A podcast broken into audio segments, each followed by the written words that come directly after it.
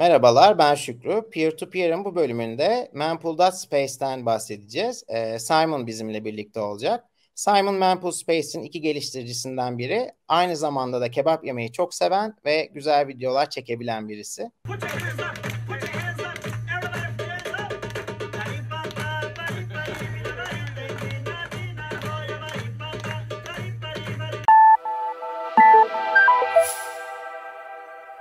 Hi Simon. Hello. Hi. So, yeah, welcome to Peer to Peer. In this episode, we'll talk about Mempool.space. Yeah, and you are a critical part of the website, uh, as I see. You are together with Wiz, you are doing wonders over there, helping see people uh, the blockchain and what goes behind Bitcoin. So, uh, would you like to start about your story with Mempool, or how did you start uh, developing the project, and yeah, where it's at right now? It started in uh, I think 2017 when I got into Bitcoin uh, for real, and I I realized that I I want to do something with Bitcoin. Also went to several conferences, like the Hackers Congress in Prague, the the Riga one 2019 and uh, but it was in like 17 18 i was starting to build small projects. Mm-hmm. so it was yeah late 2018 and i i started to understand how bitcoin works that when you make a transaction the transaction is first stuck in a mempool and then it gets in, into the block. But i found it this thing was very hard to follow like what's happening with your transaction. So that's why i made a website originally so you can track and follow where your transaction is. And was then, of course, called mm-hmm. Mempool.space or was it a different yeah. one? Yeah, it was yeah. called Mempool.space. Okay. Um, you can see on, on Twitter there's an old screenshot of the very basic version. It was very basic. It was only tracking. And then in uh, like half year later in 2019, we joined the project, and then we started to to host it on real servers around the world, and uh, we made it into a real block explorer. And then we had uh, various people helping with the project. So now it's come together. So now it's a huge project, and we have all layers like the Bitcoin mainnet, testnet, signet. We have the Liquid network, Liquid.network Explorer. We have a Bisq Explorer, and we even now just uh, released a Lightning Explorer. So yeah, the uh, project is growing with Thanks a lot of people working on, on it. Bitcoin and yeah, helping project evolve. So this is a open source project. Everybody could contribute and everybody could run their own version, uh, as far as I know. And uh, for this project, how much time do you spend a week on average? I mean, uh, Mempool, because it's a company now, it's my full time job basically. So. Mm-hmm I should spend 40 hours a week on on Mempool, and yeah. uh, that's uh, it's taking my full focus basically. So I, I don't have time for other side projects or something like that right now. So I'm, I'm just working on uh, what's we're building on Mempool. Yeah, thanks for finding some time for this uh, interview, by the way, because I know Mempool takes a lot of the time. So you get uh, you fund it with uh, supporters, right? Like people support the project and then they how does Mempool generate its revenue or? Well uh, in the first few years we just financed it out of our own pockets. And then in 2020 when the site became really popular very fast we we uh, we enabled uh, community sponsors. So people could uh, sponsor 1 million sats and you got your profile photo on the about page. A lot of people did that. And then we got like three or four or five enterprise sponsors. Like we got the grants from both Spiral, from Gemini, and from uh, smaller from Bitrefill. We, we have Unchained, yes, Unchained is our current uh, sponsor, and and then like in 2021 we, we, we great, made a great partnership with the Foundry Mining Pool, which is the largest mining pool now in the world. So they sponsored us to develop all the mining related features like you see on the second tab on the website with the hash uh, rate and the mining pool uh, statistics and all that stuff. Actually, so. open it. I'll uh, add yeah. this here. Okay, perfect. This part. Yeah. So, yeah, the second tab. So you have the you have the pool here, and you can see the you can click on Foundry, for example, and you can see the how hash the Foundry mining pool has been growing, their latest blocks here, yeah, which addresses they are using. So so this so we're trying to partner with enterprises to integrate what they want and they also want to contribute back to open source. So everything that we build it just becomes open source back to the community like this. It's the beauty of open source you know you build meaningful stuff and yeah people contribute to it. Oh by the way we just had a block drop. Yeah two actually yeah. Oh, oh yeah. Well it's still on average we get uh, a block in every 10 minutes. Sometimes you get variations like sometimes you get a block once in every 40 minutes but sometimes you get two back to back. And yeah it's all it's all random. It, it's only 10 minutes on average but it yeah. can be everything from one minute to one hour and people often get confused when it takes maybe 40 minutes and there's no new block and they ask what's happening. Is the blockchain stopped? But no it's just it's just the randomness. Yeah it's always uh, 40 minutes uh, when you are actually the one waiting for a transaction to happen you know? Like other times mm. it's always like i know i know. It's like yeah the classic sometimes you're lucky. Murphy's law. Yeah. And also you can see here i mean uh, here that the, the current uh, hash rate is up 5% the blocks are coming in a bit faster right now like 5% faster yeah, so uh, not in 10 minutes, but like nine minutes. Yeah, so that's why I, we updated here to, to, to, show nine minutes here instead. Because right now the, the mining power is higher. So this mining power gets updated in every 2016 blocks.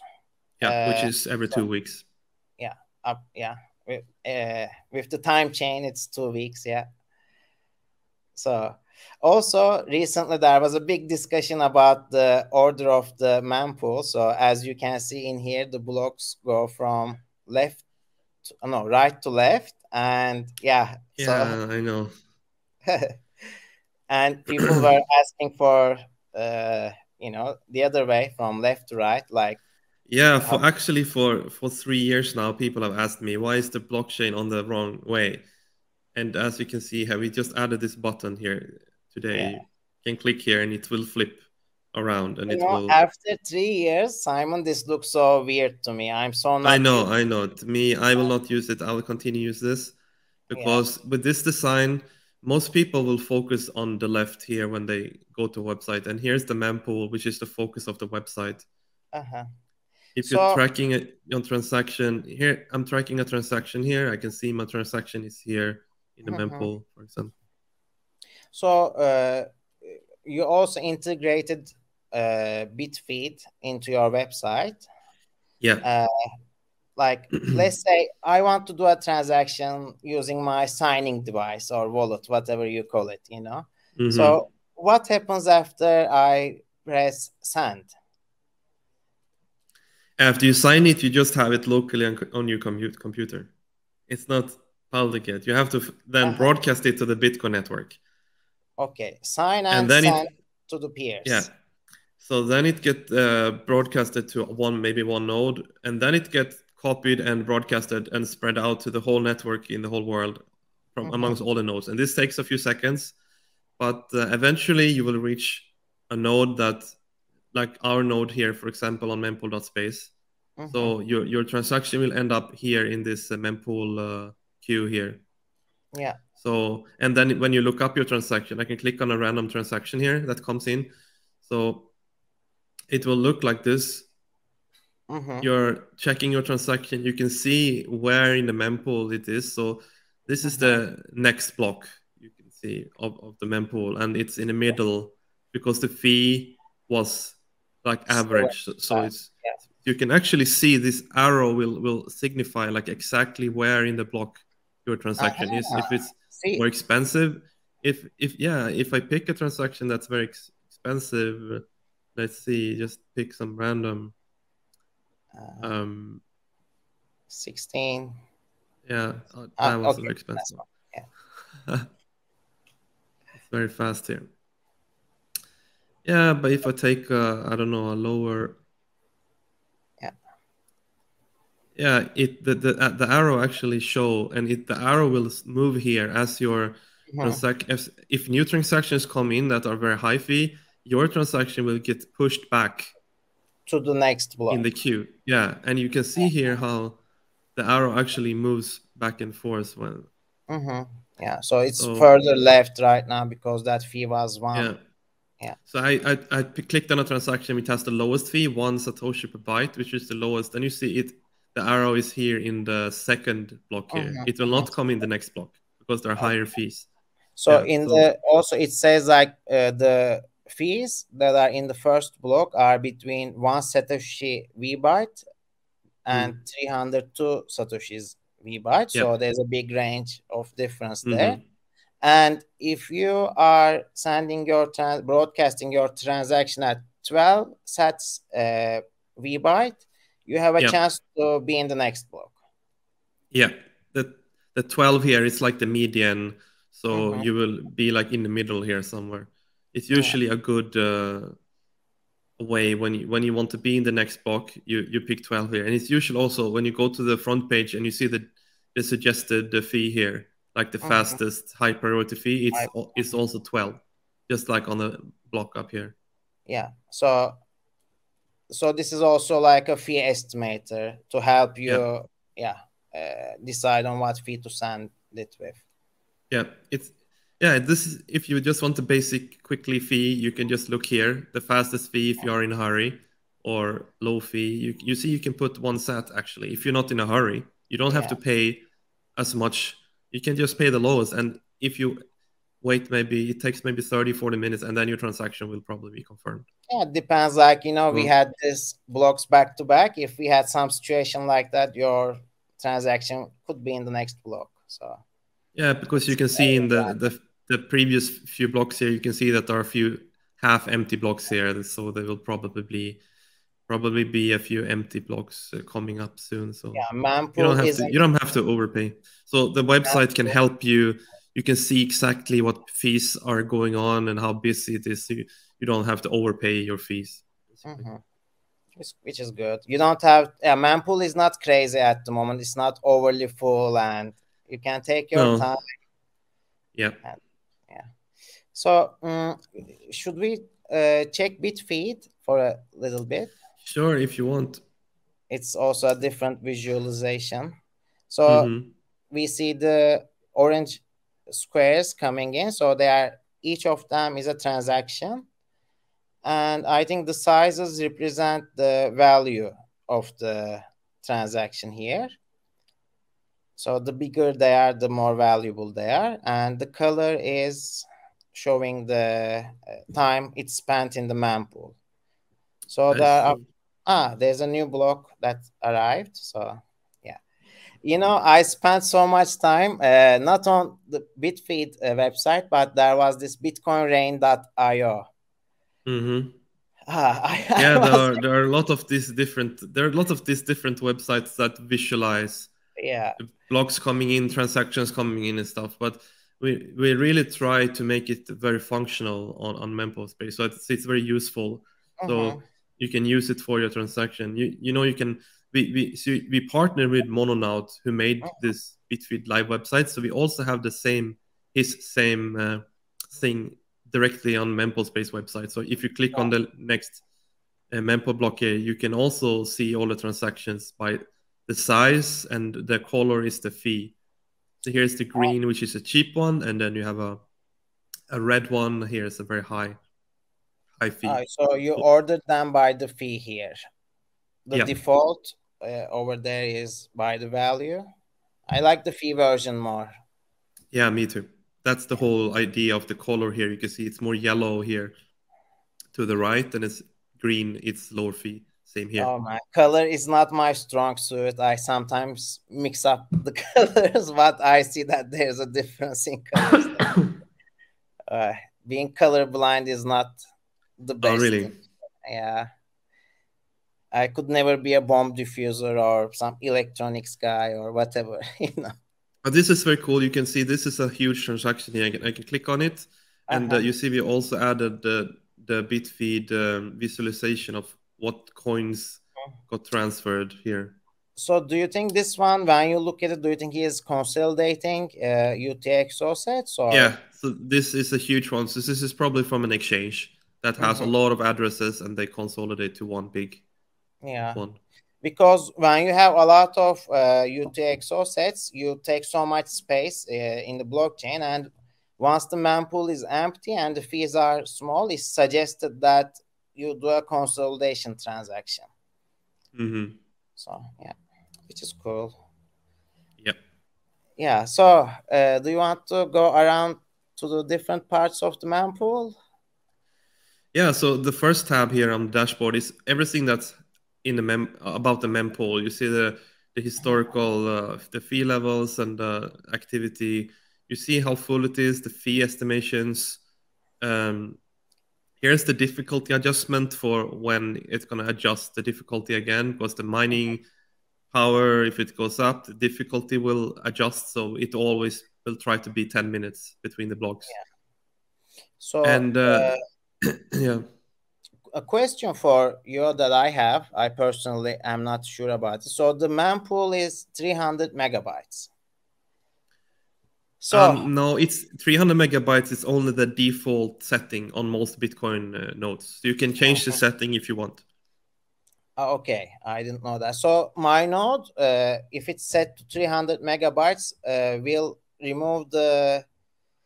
How does it work? Like, let's say mine is set to 300 megabytes, and I have more Yeah. transactions coming, and it's over 300 megabytes. yeah it will start to kick out the smallest transactions the one like the one satoshis per vbyte it will start kick out when the higher transaction come in and we saw that happening in 2020 2021 Uh, um 2017, I think, also happened during the bull market season and merge. Yeah don't know, so, merge, so and that's why we show the minimum fee here so you Mhm. know that uh, you cannot just, if the mempool is so full and the minimum fee is maybe two or three if you Mhm. broadcast the ones that it will just be rejected it will not Okay. go into the network because almost all the nodes or most of the nodes will just reject it Yeah.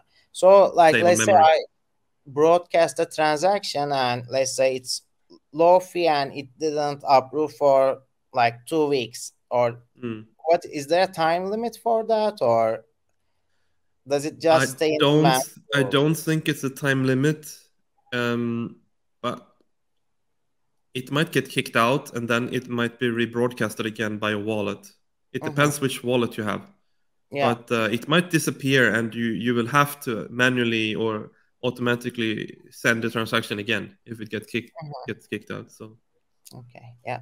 It's a little bit different depending on because the bitcoin network is very diverse there's many different wallets and nodes so with different settings so you, you're not Yeah. really sure it depends True. Like some have replaced by fee, some have like yeah.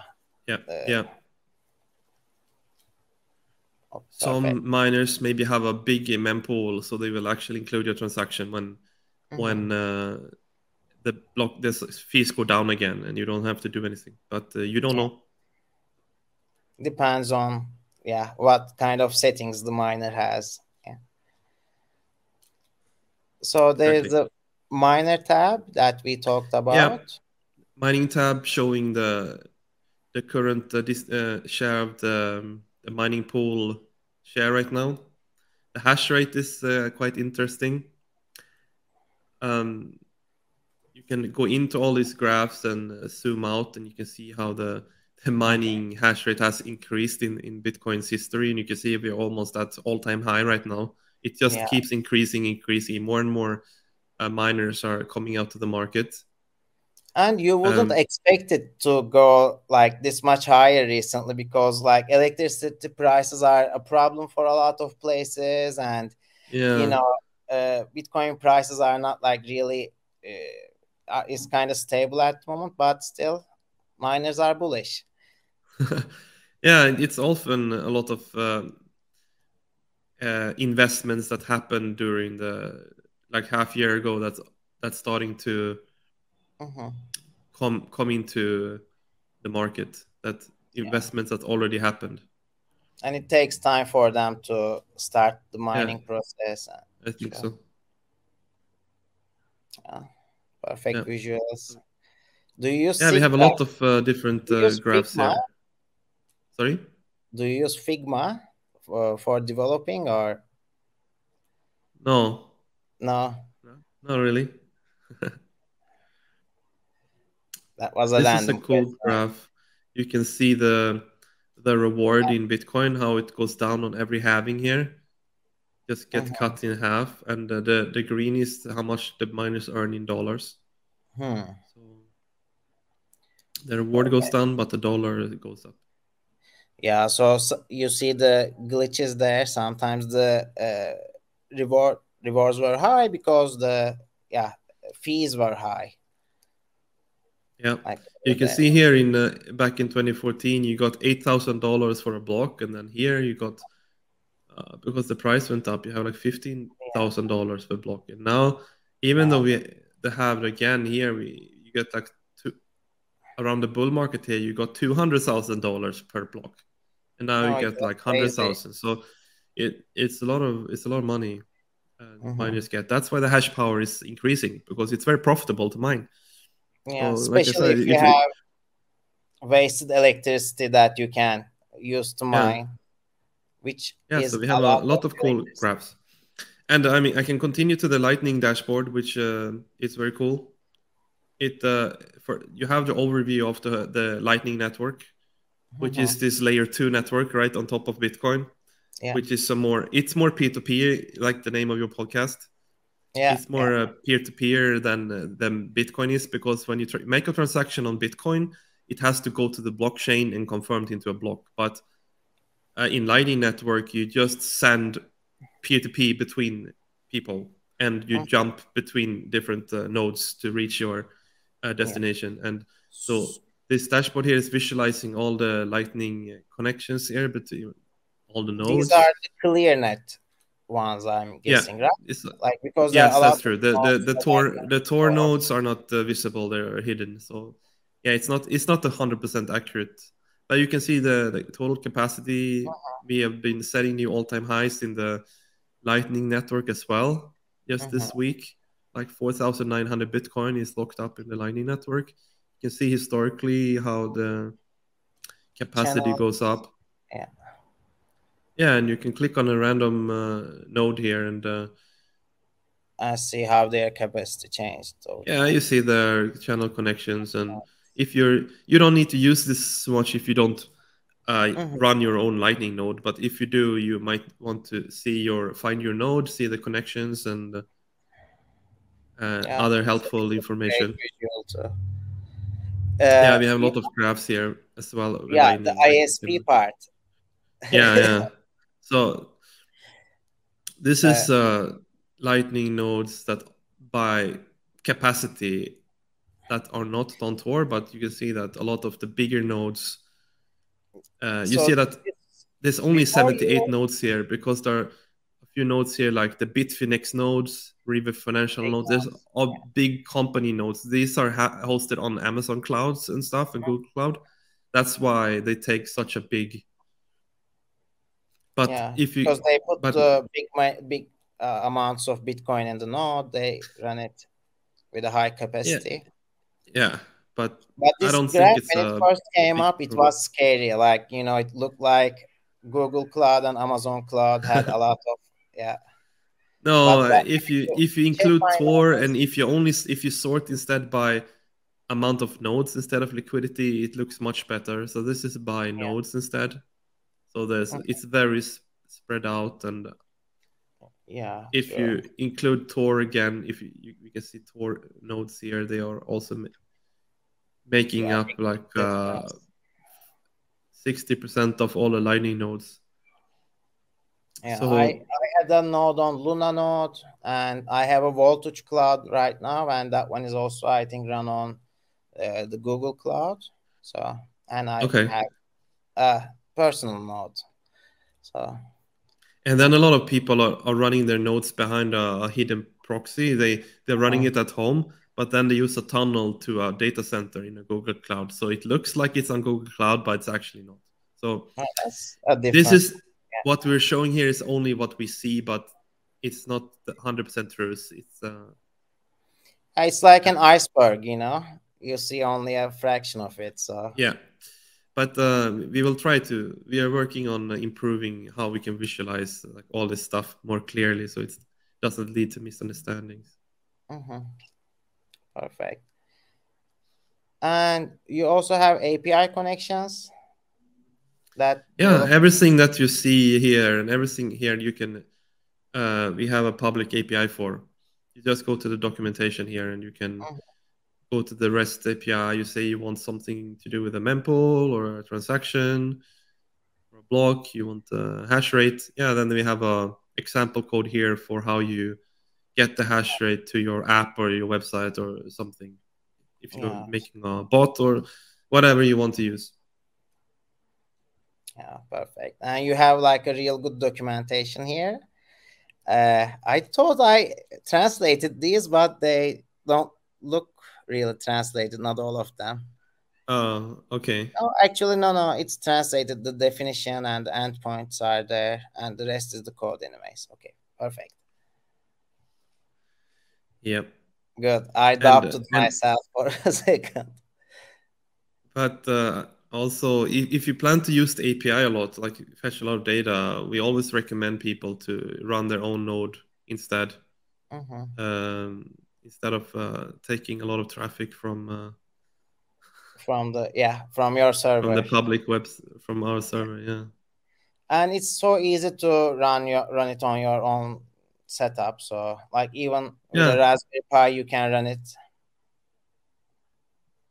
on, on yeah and I can, I can show i can show you here if i drag this uh, firefox window here so uh -huh. this is my local mempool space running from my raspberry pi uh -huh it's the you see it's a little bit different, but yeah. uh, it's mostly the same.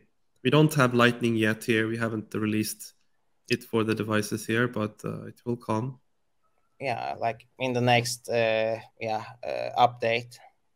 Yeah, but you see, you have the same mm-hmm. same features here. Yeah. And you don't have the toggle button here as well. Maybe you'll just keep it that way. Yeah, yeah the the, the devices uh, features on the, these devices. They are, yeah, they're a bit slow. They, they will come a few months after we make their official release, which is more well tested. Yeah. By the way, the video that Tika Mabot Tikamoto uh, did for you was also amazing. I'll just maybe put it in yeah. somewhere in the video here. So was, was a really yeah. good one. Yeah. So yeah, this is Mempool at space. When you broadcast your transaction, it goes into the mempool space, not the mempool space, into the mempool, and then it gets slowly picked up by the miners, and hopefully, yeah, this cleared some, uh, yeah, doubts for some people on how Bitcoin transactions happen. Mm. Yeah. Um. Also, uh, can you go like uh to a transaction list again? the upcoming transactions. I, I, I, yeah, I can. I have them all here. Yeah, like click. We can click on one. Yeah, I can take the most expensive one here. Yes, high time preference one. This one is too much overpaid, by the way. Don't you don't need to do yeah. this. It's usually an exchange sending, they say, but who knows? Yeah. Yeah. So there's also the properties you could see that it's sent on a SegWit uh, address, no taproot, no replace by fee. Yeah, no replace by fee. It's yellow because it's some is SegWit, but not uh, not. Oh yeah, it's using the the SegWit that uh, uh, it, it's called SegWit compatible, but it's not the full SegWit one with okay. a new address format. Not yeah, so we try to show here to make you realize if you make your transaction here, you can see if you see something red here, you maybe need to change your wallet or something. Hmm. You might you might use some bad. Uh, is it not compatible with the address that you are sending to, or? No, this is the SegWit addresses that start with the, the three instead of the uh-huh. BC1. Yeah. So yeah. that's why you get a yellow instead of a green. Okay. Oh, okay. Green is the na native SegWit or whatever. Yeah. Yeah. Ah, perfect. And I have one more question that I was actually curious. What is the difference with byte and vbyte? Do you have any idea of that? Yeah. So you see here that there are three different ways of measuring uh, a transaction -huh. and a block or something. You have the byte, you have virtual byte, and you have a, a weight unit. And before SegWit, it was only byte. Uh -huh. But when after SegWit, to make a block size increase and the transactions are different, so uh, you you introduce this new weight thing, but but in order to make something common between both legacy transactions and SegWit transaction, they created vbytes. So you can use the same measurement for for both transactions. Ah, so that's why compatible. Yeah, so it's compatible. That's why vbytes is the default we show on the website. You see, it's when you use a wallet and you want to set a fee, you, you should set one satoshi per V vbyte, uh-huh. because uh, otherwise it would be different depending on if it's a SegWit or if a non-SegWit. Yeah. Okay. Perfect. That I'm so happy it's to a little bit, yeah, it's a little bit uh, complicated, but it's all because SegWit was an uh, change to Bitcoin that has to be backwards compatible. So it was because it was a soft fork and not a hard fork. Yep. Yeah. Yep. Exactly. Perfect. I'm happy to learn about this. I looked for it, but I wasn't really sure why it was. And yeah. Good. Well, Any more questions? You know everything? Well, uh, more questions. Uh, are you working on something exciting? Um, maybe. Always. Or, yeah. I don't know. We'll see what will come in the the coming yeah. months. But I also hope that uh, we can make the Lightning Explorer available for for everyone's home devices and Raspberry Pis oh. and things like this. Yeah, so you you make it so that I can run my own node and include the Lightning version. Yeah, I think most most if you have your own full node like on a Raspberry Pi node like Raspberry Blitz or Umbrel, they always come with a Lightning node as default. Mm-hmm. So you can do everything, same things, but on your own node like this. Yeah, and it's really simple, like with a one-click installation on both devices. Uh, the mempool.space yeah. you want to add to it. So yeah. Right. Perfect. Well, yeah. So thank you for your time. Simon ile Mempool.space hakkında yaptığımız bölümün sonuna geldik. Bu bölümde ben Mempool hakkında çok fazla şey öğrendim. Umarım size de faydası olmuştur. Lütfen Satoshi TV'yi takip etmeyi ve bildirimleri açmayı unutmayın. Ve bölümü e, aynı şekilde Satoshi Radyo üzerinden podcast olarak da dinleyebilirsiniz. Önümüzdeki bölümlerde görüşmek üzere.